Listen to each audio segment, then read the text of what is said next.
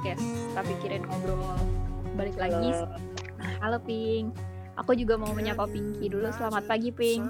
Selamat pagi. Kita recordingnya pagi ya. Iya biar agak tenang suasananya. Iya bener sih. Oke. Uh, udah sarapan Pink? Uh, enggak sih aku nggak sarapan pagi sih. Dan, oh. tapi kayaknya ntar deh jam sepuluhan. Kalau pagi itu kayak terlalu ini gak sih?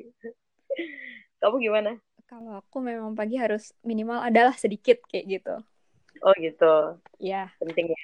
Penting. Oke. okay. Jadi gini, aku mau tanya nih. Eh, uh, kamu nih kan ceritanya usia produktif, ya kan? Iya. Dan posisinya lagi tidak bekerja gitu kan? Karena iya, sebelumnya betul. udah bekerja. Nah, eh uh, kemarin ini beberapa waktu yang lalu kita kan sama-sama dengar bahwa pemerintah bikin program kartu prakerja, gitu kan? Uh, menurut kamu gimana sih kartu prakerja ini? Kayak gitu. Aku pengen dengar nih pendapat kamu selaku usia angkatan kerja. Bagaimana menurut kamu program ini dari awal atau secara keseluruhan? Oke, okay. oke. Okay.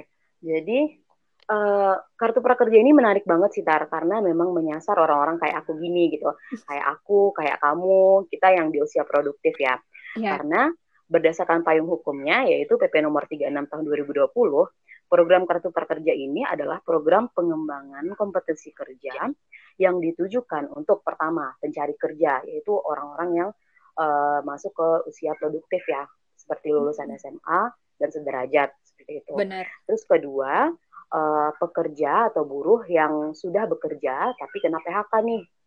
Nah, terus yang mm-hmm. ketiga, orang-orang yang disasar adalah orang-orang yang sudah bekerja, yang sedang bekerja, tapi yang ingin mengembangkan skillnya dan kompetensinya seperti itu. Oke. Okay. Nah, karena aku adalah bagian dari tiga golongan tersebut, makanya aku excited banget nih ketika Presiden Jokowi bilang mau eksekusi program ini gitu. Karena program ini adalah bagian dari janji kampanyenya dia waktu pilpres tahun lalu kan gitu Betul. kan. Pilpres nah putaran... terus kenapa? Pilpres putaran kedua berarti. Iya betul. Uh, karena program ini menurut aku juga adalah um, apa namanya menunjukkan bahwa negara itu menyadari bahwa untuk meningkatkan skill bukan hanya sekedar sekolah formal doang gitu tapi mm-hmm. juga pelatihan-pelatihan seperti ini tuh penting untuk dilaksanakan. Nah, misalnya nih kita lihat aja, banyak lulusan universitas itu yang uh, cuma paham secara teori gitu. Padahal sebenarnya ketika dia masuk ke perusahaan atau ke dunia kerja, hal yang lebih dipentingkan itu adalah uh, tentang prakteknya seperti itu. Dan nah, bisa itu ya. Iya benar, bisa kita lihat kan. Misalnya kita buka nih salah satu platform yang menyediakan uh, lowongan kerja gitu kan, mm-hmm. pasti di situ banyak perusahaan yang nyari uh, minimal kerja dua tahun gitu. Iya, Atau, experience. Iya benar, experience Jarang minimal yang satu mau tahun. merekrut fresh graduate itu kecuali mereka lagi uh, rekrutmen besar-besaran ya. Iya bener banget gitu kan. Nah di situlah aku harapannya hadirnya dengan kartu, kartu prakerja ini menjawab permasalahan tersebut gitu kan. Nah, mm-hmm. sesuai juga nih dengan tujuan kartu prakerja ini adalah sesuai dengan PP tadi. Yang mm-hmm. pertama, mengembangkan kompetensi angkatan kerja. Dan yang kedua, meningkatkan produktivitas dan daya saing angkatan kerja. Mm-hmm. Seperti itu. Yeah. Nah, uh, terus juga uh, angkatan uh, kartu prakerja ini tuh diiringi dengan uh, penggelontoran dana itu yang cukup lumayan besar ya, 10 triliun pada skema satu. Iya. dan lalu diubah menjadi 20 triliun pada skema dua hmm. uh, dengan dalih karena menghadapi pandemi gitu. Oke. Okay. Nah, terus juga ketika ketika uh, pemerintah ingin meng ingin mengeksekusi program ini uh, jadi program ini tuh diselenggarakan secara daring, secara online maupun offline. Nah, atas dasar PP ini, hadirlah 8 platform digital sebagai mitra resmi pemerintah dalam melaksanakan program Kartu Kerja. Yang pertama, Tokopedia. Yang kedua, Ruang Guru. Uh, Ruang Guru itu Akademi Skill ya? Iya, Skill Academy. Nah, iya, Skill, skill Academy. um, terus, mau belajar apa?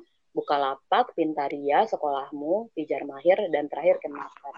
Kalau kita lihat di sini semuanya rata-rata startup ya, ke swasta. Iya. Karena memang pemerintah mengedepankan swasta sih di program ini gitu. Betul. Terlihat di PP-nya seperti itu. Nah, sebentar. Uh, Delapan yang iya. kamu sebutin ini modelnya kan startup berbasis online ya? Iya betul. Berarti kan memang skema untuk diadakannya pelatihan kerja ini secara offline atau luring itu belum ada ya? Iya belum karena kan kita eksekusinya kan pas pandemi kan, okay. jadi pemerintah menyesuaikan gitu. Nah kalau katanya Menko perekonomiannya sih yang apa namanya bertanggung jawab atas uh, memang program ini itu secara online dan offline, tapi karena sekarang lagi masa pandemi, jadi pemerintah menyesuaikan nih dengan situasi sekarang. Tapi nanti setelah pandemi ini berakhir, bisa jadi akan diadakan program yang offline seperti itu. Nah, um, banyak banget pro dan kontra dalam penunjuk dalam uh, awal-awal kasus awal-awal kartu prakerja ini dieksekusi ya. Misalnya nih seperti uh, kasus yang Bung Belva yang merangkap jabatan sebagai CEO ruang dan staf sus milenial ya, presiden. Yang Kenapa? aku cuap-cuap di Instagram itu ya. Iya benar. Ada untungnya juga ya kamu dan kamu dan beberapa orang di Indonesia ini cuap-cuap terus Bung Belva mengundurkan diri seperti itu ya. Ya, aku salut Uh, ini aku mau bahas sedikit nih. Okay. Aku atas mm -hmm. keputusan yang dia ambil kayak gitu. Mm -hmm. uh, bahwa dia menyadari dia sudah jadi public figure kayak gitu. Dia sudah ada, ada di tampuk pemerintahan dan mm -hmm. dia tahu apa yang dia lakukan itu tidak tepat atau kurang layak, maka dia mengundurkan diri. Harusnya pejabat-pejabat di Indonesia ngikutin itu. Iya, benar sih. Salah dan sudah melakukan hal yang tak pantas mm -hmm. atau bahkan tidak mencapai target misalnya kan udah sadar mundur diri itu yeah. sih poin aku yang salutnya gitu. Tapi uh, balik lagi orang-orang kan masih curiga bagaimana dana yang sudah masuk ke skill academy hayo. Iya sih benar sih. Terus juga aku juga masalahan tentang penunjukan platform digital yang nggak pakai tender nih. Terus iya, juga dan itu juga uh, ini ya pemerintah ini kayak nggak terbuka gitu. Di awal mereka ngotot. Bahkan Belva sendiri lewat twitternya uh, malah ngeklaim dia nggak tahu apa-apa soal penunjukan kayak gitu kan. Yeah. Iya, kemudian pemerintah bilang dia melakukan pakai tender. Kemudian di akhir dia akui lagi nggak pakai tender. Nah itu dia makanya. Jadi jadi kayak blunder banget kan. Cuman aku ya aku subjek subjective thinking aku kayak gini. Karena program ini langsung dibawahi oleh Menko Menko Perekonomian yang bukan Kementerian Teknis jadi mm-hmm. program ini tuh dijalankan oleh lintas kementerian seperti itu. Iya nah, betul. Kalau terlalu banyak, jadi bisa nggak sih kebayang kalau kita mengadakan sesuatu, maksudnya kita membuat sesuatu dan terlalu banyak campur tangan orang di situ, itu malah jadi nggak efektif dan efisien gitu. Iya. Nah, aku rasa sih karena itu ya. Tapi ya sampai sekarang kita masih belum uh, sampai sekarang aku cari-cari informasi kenapa program ini dibawahi Menko Perekonomian itu tuh belum ada jawabannya kayak gitu. Mm-hmm. Nah terus um, kita bicara anggaran nih ya. Kartu prakerja ini semula atau skema satu ya, I call it skema satu sebelum pandemi yaitu 10 triliun. Nah lalu ditambah menjadi 20 triliun nih. Uh, dalam rangka kita menjustifikasi untuk menghadapi pandemi gitu. Oh ini ada pandemi, berarti kita harus pemerintah mikir gini, uh, kita harus nambah anggaran nih gitu. Nah, secara yeah. otomatis kartu prakerja yang semula dirancang sebagai program pelatihan dan modal untuk investasi SDM berubah sekejap menjadi semi bantuan sosial. ya, digabung, main digabungin campur aduk aja ya. Iya benar ini kocak banget sih. Iya, uh, terus dengan dalih bahwa kalau aku mikirnya gini, uh, program ini skema dua ini ditujukan untuk orang-orang yang terkena PHK karena pandemi. Berarti aku bisa, uh, berarti kita Tapi bisa menggolongkan. Di situ disebut juga ya untuk UMKM. Untuk UMKM? Iya, jadi uh, hmm. bahwa kartu prakerja ini oh, juga ditujukan untuk UMKM UMKM terdampak masa pandemi ini gitu. Tapi dal tapi pembagiannya dalam bentuk personal gitu kayak kayak kartu uh, kerja biasa gitu. iya betul tetap ya secara daring kayak gitu. Tapi mungkin di sana terdapat kayak pelatihan pelatihan usaha. Oh mungkin itu itu ya, aku juga sempat baca yang kayak gitu soalnya. Jadi untuk yang terdampak uh, pandemi ini pertama untuk yang PHK satu kan dan hmm. kedua untuk UMKM. Oh gitu. Betul. Ya mungkin mungkin skemanya eh, tapi apa namanya teknisnya sih mungkin tetap sama ya kayak daftar biasa kayak personal secara personal bukan UMKM yang daftar. Iya. Terus juga kalau misalnya keterima ya udah berarti dia bisa dapetin uh, apa namanya pelatihan-pelatihan kewirausahaan gitu. Hmm. Nah, oke. Okay. Ini kocak lagi sih. Terus juga apa namanya berarti ada empat golongan nih, empat golongan yang akan menjadi target dari uh, akan menjadi target dari uh, kartu prakerja ini. Berarti orang yang siap bekerja, hmm. orang yang terkena PHK, hmm. orang yang terkena PHK bukan karena pandemi ya.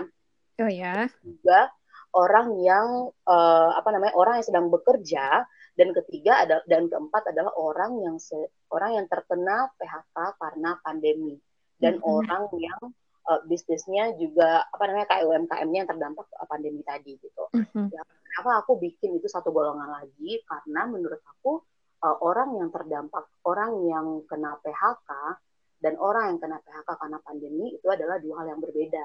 Oh iya pastinya uh, iya, makanya. Nah, terus uh, skema awalnya gini, dana kartu prakerja ini diwacanakan mencapai 5 juta per orang. Jadi skema satunya sebelum pandemi ada ya, uh, itu kartu prakerja uh, diwacanakan menjadi 5 juta per orang dengan komponen empat setengah juta untuk pelatihan dan 500 ribu untuk insentif. Nah, targetnya ada 2 juta penerima. Kalau menurut aku sih ini angka yang ideal ya dari misalnya misalnya kita dapat 5 juta 5 juta kan nah mm-hmm. terus uh, eh, 500 ribu untuk insentif ya 500 BLT lah let's say let's say BLT gitu okay. empat setengah juta adalah angka yang ideal sih untuk program-program pelatihan ya iya yeah. terus sekarang nih skema dua karena pandemi ini ada dinaikkan angkanya menjadi awalnya 10 triliun jadi 20 triliun terus skemanya juga berubah nih menjadi per orang itu dapat 3.550.000. Insentif 2,4 dan survei 150.000 dan program pelatihannya cuma 1 juta. Oke. Okay. Jadi kebayang nggak? Jadi sebenarnya prakerja ini tuh bantuan sosial atau pelatihan kerja sih gitu. Jadi yeah. kayak blunder di situ gitu kan. Betul, betul. Nah terus turunnya biaya pelatihan ini yang sangat drastis itu membuat program kartu prakerja ini nggak sesuai lagi dengan tujuan awalnya yaitu pengembangan SDM ya. Iya, uh, bentar dulu Ping. Untuk diperjelas hmm. lagi nih uh, supaya nggak bingung nantinya insentif ini kan nantinya yang diterima dalam bentuk uang ke peserta kan? Iya betul. Oke, okay. hmm. itu aku ingin memperjelas itu. Iya, jadi insentif ini yang 600 ribu per bulan. Jadi diberikan jadi itu kan dalam berapa tahap itu? Jadi itu tuh kan ada empat bulan kan, empat bu kita uh, ya ada empat bulan. Dua koma empat itu dibagi menjadi empat per, per per bulan, jadi selama empat bulan. Iya, jadi uh, apa namanya?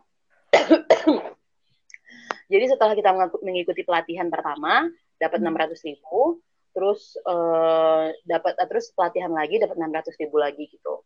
Oke. Okay. Nah, jadi jadi kalau misalnya kita cuma dapat satu juta untuk pelatihan, ya cuma bisa dapat kayak gini-gini nih, pelatihan aja online kayak gitu. Nah, terus balik lagi, kalau misalnya kayaknya nanti aja sih aku uh, aku uh, obrolin yang masalah program ini.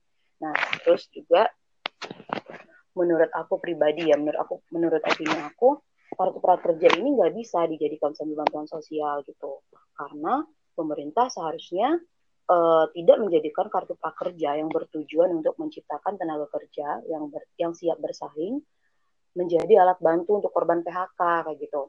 Jadi betul. Uh, Karena yang di PHK belum tentu mereka nggak punya potensi kan iya, dan nggak punya pengalaman. Nah iya makanya kan mereka kena PHK kan bukan karena mereka nggak nggak kompet nggak kompeten gitu, bukan dan nggak punya pengalaman. iya benar makanya kan karena mereka kan karena karena dampak karena dampak pandemi gitu kan. Nah, terus dikasih pelatihan. Oh, memang keadaan perusahaan yang memang uh, apa sih defisit kayak gitu kan? Iya, makanya. Nah, terus juga apa namanya? Lagian juga gimana pemerintah ngontrol kalau orang itu terkena oh, kalau orang itu adalah uh, target yang berhak menerima kartu prakerja karena dampak dari pandemi gitu. Kan, nah, kan ini poinnya nih pas mm. banget. Aku pengen tanya nih. Iya. Jadi uh, untuk un, syarat untuk gimana sih? Uh, syarat syarat untuk kita bisa mendapatkan program prakerja ini dinilainya dari apa sih gitu? Apa nah, sih itu, penilaiannya ya. Kayak gitu? Karena yang aku lihat kita hanya daftar online nanti diverifikasi. Apakah dengan itu berarti kita cuma dinilai secara administrasi aja dong. Apakah nih kita benar sekolah kita benar segala macam tapi untuk uh, syarat-syarat yang lainnya bagaimana cara menilainya? Nah jadi gini. Kalau aku lihat ya kalau dan aku baca-baca juga memang nggak ada keterbukaan gimana uh, gimana mereka menyeleksi dan memverifikasi orang yang yang berhak menerima kartu prakerja ini. Jadi bisa aja kalau misalnya nih aku nulis uh, aku kerjaannya waktu itu eh, aku aku bekerja sebagai auditor. Bisa aja nih aku tulis aku lulusan lulusan SMA kayak gitu. Eh maksudnya aku lulusan uh, fresh graduate gitu. Ya bisa aja gitu. Nah tidak tidak mencantumkan pengalaman kerja sebelumnya kayak gitu kan kamu? Ya, uh, nah bisa aja terus juga ya ya gimana ya logikanya pemerintah taunya gimana coba ya kan nggak ada gitu kan pemerintah ya. juga nggak minta ke alamat kantor kita untuk memverifikasi bahwa kita pernah kerja di situ atau gimana gitu kan ya, betul, terus juga betul. pemerintah juga nggak menghubungi sekolah kita kan langsung apakah benar ini orang sekolah di situ juga nggak ada kan nah dan satu lagi Mm-hmm. Uh, Kementerian Tenaga Kerja atau melalui dinas ketenaga kerjaan juga nggak punya loh data riwayat pekerjaan kita kayak gitu yang secara faktual dan update. Iya benar makanya. Nah memang nggak ada keterbukaan di sini tentang siapa sih yang berhak apa sih kriteria Siapa yang lebih berhak? Orang. Misalnya mungkin semua orang dalam rentang 18 sampai 20 berapa tahun? 8 sa, sa, pokoknya dalam usia kerja. Dalam usia kerja itu hmm. semua mungkin berhak itu. Cuman kan kita kan uh, harus tahu siapa yang lebih berhak kayak gitu dalam kan dia akan eh, diadakan beberapa tahap nih. Nah, mm-hmm. yang tahap pertama ini kenapa dia kenapa dia yang didahulukan kayak gitu iya, kan? Makanya, uh-uh. Terus juga kemarin aku nonton juga tuh di Kompas ya. Uh, uh, ada forum antara antara apa namanya? Ada forum uh, ini um, yang bertanggung jawab atas prakerja ini aku lupa aku lupa itu siapa. Cuman dia bilang gini, ada pertanyaan gini, uh, gimana Pak cara mengontrol orang yang uh, orang yang menerima kartu prakerja ini adalah orang yang tepat gitu. Penanggung jawab itu bilang gini, ya memang setiap program itu ada kelemahannya gitu. Nah, ya jadi pro, jadi masukan Lucu mas sih jawabannya. Jadi masukan mas ini akan kami jadikan bahan evaluasi gitu. jadi belum ya. apa-apa dia udah tahu kelemahannya. Jadi ala-ala pejabat ya. Apa masih dilaksanakan ya? iya makanya. Jadi bahan evaluasi. Tapi kalau dan setelah aku pelajari juga, memang program itu terkesan buru-buru banget ya. Karena ah, mereka nggak betul nggak riset juga kayaknya, nggak riset juga sebelumnya tentang sebenarnya apa sih dan nggak melibatkan banyak stakeholder gini loh iya, ya memang kementerian banyak yang dilibatkan kayak gitu kan cuman yang aku lihat kok polanya hanya uh, terpusat aja ya kayak gitu. Aku sampai tanya ke dinas tenaga kerjaan di provinsi sama di daerah sama di bawah hmm. provinsi kota atau kabupaten aku yang kebetulan PNS di sana. Aku tanya e, tahu nggak info kartu prakerja? Tahu. Tahu dari mana? Emang udah ada rujukan dari kementerian. Enggak dari berita aja. Miris nggak sih iya benar banget. Jadi, seharusnya siapa sih orang di daerah nggak diedukasi soal itu sebelumnya gitu. Iya. secara kan dinas ketenaga kerjaan juga stakeholder bagian dari mereka kayak gitu. Iya benar banget benar banget. dan uh, dinas ketenaga kerjaan di daerah-daerah itulah yang sebenarnya pada awalnya paling banyak buat pelatihan kerja kan? Kayak iya, bener. bengkel. Aku sering tuh lihat program-program pelatihan bengkel pelatihan menjahit seperti itulah. Iya benar banget Nah, jadi uh, apa namanya? Ya kalau pemerintah ingin memberikan BLT, ya udah BLT aja gitu. Bantuan-bantuan nah, aja gitu kan. Uh, BLT BLT aja, prakerja ya prakerja aja, jangan digabung gitu. Digabung. Jangan menjadikan kartu prakerja yang penting ini untuk generasi kayak kita gini-gini ya, hmm. yang sangat-sangat penting ini jadi malah uh, bantuan sosial gitu. Nah, ya kita butuh duit juga sih secara kita terdampak pandemi juga kita memang butuh duit gitu tapi Betul. jangan jangan jangan korbankan juga program yang lain yang jadi hak kita gitu kan uh, iya nah terus jadi ya, gini, pemerintah hmm? gini ping kalau misalnya jangan sampai orang ngikutin prakerja ini karena cuma ngarepin duit insentifnya nah, gitu. Iya, bener banget, bener banget. Karena gitu. mereka mikir, aduh, oh, ini udah nggak ada kerjaan nih, nanti ini kebetulan ada program prakerja yang dapat insentif, udahlah ikut ini aja kayak gitu kan. Jadi hanya sekedar itu aja, jadi nggak ada manfaatnya lagi prakerja itu buat dia. Iya, Cuma sekedar pas ikut aja. Ah, iya bener bener bener bener. Nah, udah bagus ada prakerja ya. Udah ada udah bagus ada prakerja yang menjawab tantangan investasi SDM di masa sekarang malah dijadikan bansos gitu kan. Iya. Sebenarnya tujuannya mulia sih kalau aku iya, benar. Pinky gitu. Ah, uh, iya. Sebenarnya tujuannya mulia banget untuk membantu orang ya, tapi itu kan perkara lain lagi gitu kan. Nah, terus juga uh, apa namanya? orang-orang yang seperti ini tuh harusnya dikasih bantuan langsung tunai aja gitu, nggak perlu dikasih pelatihan. Ya ngapain dikasih pelatihan? Toh mereka juga sebelumnya udah kerja, gitu kan sebelumnya mereka udah dan mereka juga di mereka juga di PHK karena pandemi gitu, bukan karena inkompetensi gitu kan. Ya, nah, bukannya kalau misalnya korban PHK ini terserah ya ya korban PHK pandemi atau korban PHK biasa kayak gitu Sebenarnya hmm. mereka lebih butuhkan adalah lapangan pekerjaan loh, bukan pelatihan kerja. Itu menurut versi aku kayak gitu. Iya, bener banget. Nah, nah, tapi gini ya, aku balik lagi nih masalah BLT, masalah bansos dan prakerja ini gitu kan. Oke. Okay. Uh, banyak nih orang yang bilang seharusnya anggaran prakerja ini dialihkan aja untuk bansos. Seharusnya anggaran prakerja ini nggak terjadi nih di saat pandemi. Seharusnya uh, pandemi, eh, seharusnya prakerja ini diundur aja gitu nanti ketika pandemi ini berakhir. Ketika Karena orang-orang yang normal ya Uh, benar. Nah, tapi menurut aku it's okay gitu loh. It's okay if it is happening right now karena orang-orang yang orang-orang yang misalnya uh, lagi di rumah aja bisa jadi bisa jadi apa namanya terbantu dengan program ini gitu mereka bisa ter, di, mereka bisa mengikuti pelatihan dan terbantu sekali dengan program ini gitu kan nah kalau masalah anggaran ya prakerja punya anggaran sendiri. BLT oh, harusnya punya anggaran digabungkan sendiri. dengan bansos gitu. Iya makanya kan kan kasihan orang-orang yang udah ekspektasi tinggi atas program kartu prakerja ini, iya, orang-orang yang ngerasa orang-orang yang ngerasa? Hmm, orang-orang yang ngerasa oh gue bakal dapet pelatihan nih keren nih gitu kan pelatihan gratis nih dari pemerintah eh tiba-tiba jadi bansos gitu Betul. kan. Let's say nih ya uh, kalau kita kasih dua kalau misalnya pemerintah dengan dengan bermurah hati untuk memberikan 500 ribu per bulan selama tiga bulan untuk setiap orang atau misalnya dengan sumber data BPS yaitu 203 juta jiwa itu hanya akan memakan nilai sekitar 300 triliun gitu. Nah, kalau misalnya kita mix dengan 405 triliun anggaran itu, anggaran untuk pandemi, ya. berarti itu cuma sekitar 600 triliun gitu. Nah, ya. nilai ini itu jauh tertinggal dibandingkan dengan Malaysia yang menghabiskan dana 1000 triliun untuk menghadapi COVID-19 gitu.